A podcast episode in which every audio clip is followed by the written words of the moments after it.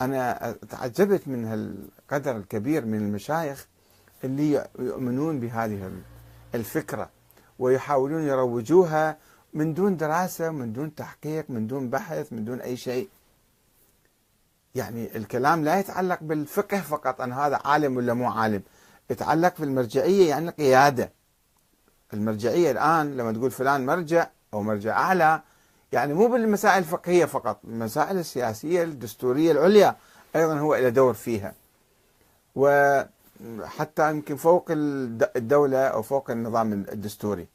فهنا أنه مع الأسف الشديد بالحوزة عندما يطرحون هذه الأمور ولا آه، يعني يبحثوها بعمق ولا يناقشوها ولا يستعرضوا أدلتها مجرد هيك بالدعايات وبالإعلام يصفون طابع مقدس على شخص معين فيصبح هذا فوق النقد وفوق المحاسبة وفوق المراقبة وفوق التغيير.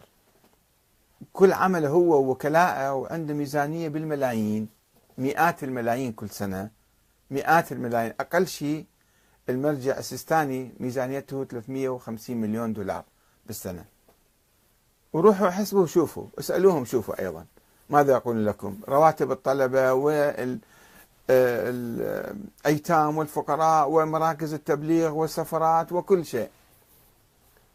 ميزانية ضخمة. طيب هل هناك أحد يحاسب يراقب؟ كم تصرف الأمور؟ كم تأتي أموال إلى المرجع؟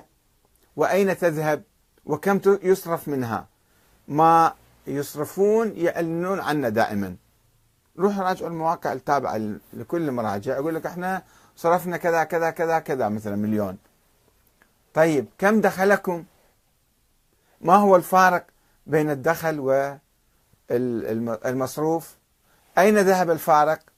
هذه أسئلة محرمة ما يمكن نسألها. لماذا؟ لأنه المرجع مقدس. المرجع مؤمن زاهد عابد تقي ورع. وهو وكيل الإمام ونائب الإمام والغيب وراءه والإمام المهدي يسدده وما إلى ذلك. نصل إلى نتيجة أن يصبح حزب كبير اسمه حزب المرجعية وما يخضع إلى قانون الأحزاب. قانون الأحزاب اللي سووه بمجلس النواب لازم كل حزب يبين مصاريفه من وين اجتي ووين راحت. وفي نظام داخلي لإدارة هذه الأموال. بينما المرجعية ما عندها كلها تعتمد على الأشخاص. آه، ابن المرجع نسيب المرجع صديق المرجع وكيل المرجع يتصرفون بالأموال كلها بدون حسابات. وهنا منبع الفساد. منبع الفساد. تصوروا أنتم المرجعية دولة. دولة وما فيها محاسبة. مرجع مقدس خليفة مقدس هذا. خليفة مسدد من الله معين من الله. وأحد ما يحاسبه. راح يترك هو يمكن يكون رجل زاهد وجالس في بيت إيجار أيضا. لا نشك بذلك.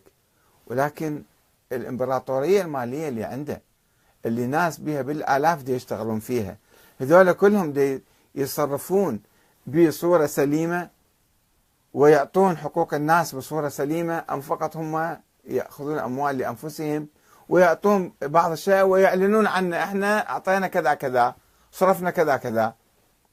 طيب كم دخلكم؟ بعدين المواقف السياسية اتركوا المواقف المالية. المواقف السياسية أيها المرجع العظيم. لماذا اتخذت هذا الموقف السلبي هنا وهذا الموقف الإيجابي هناك؟ لماذا لم تتكلم هنا وتكلمت هناك؟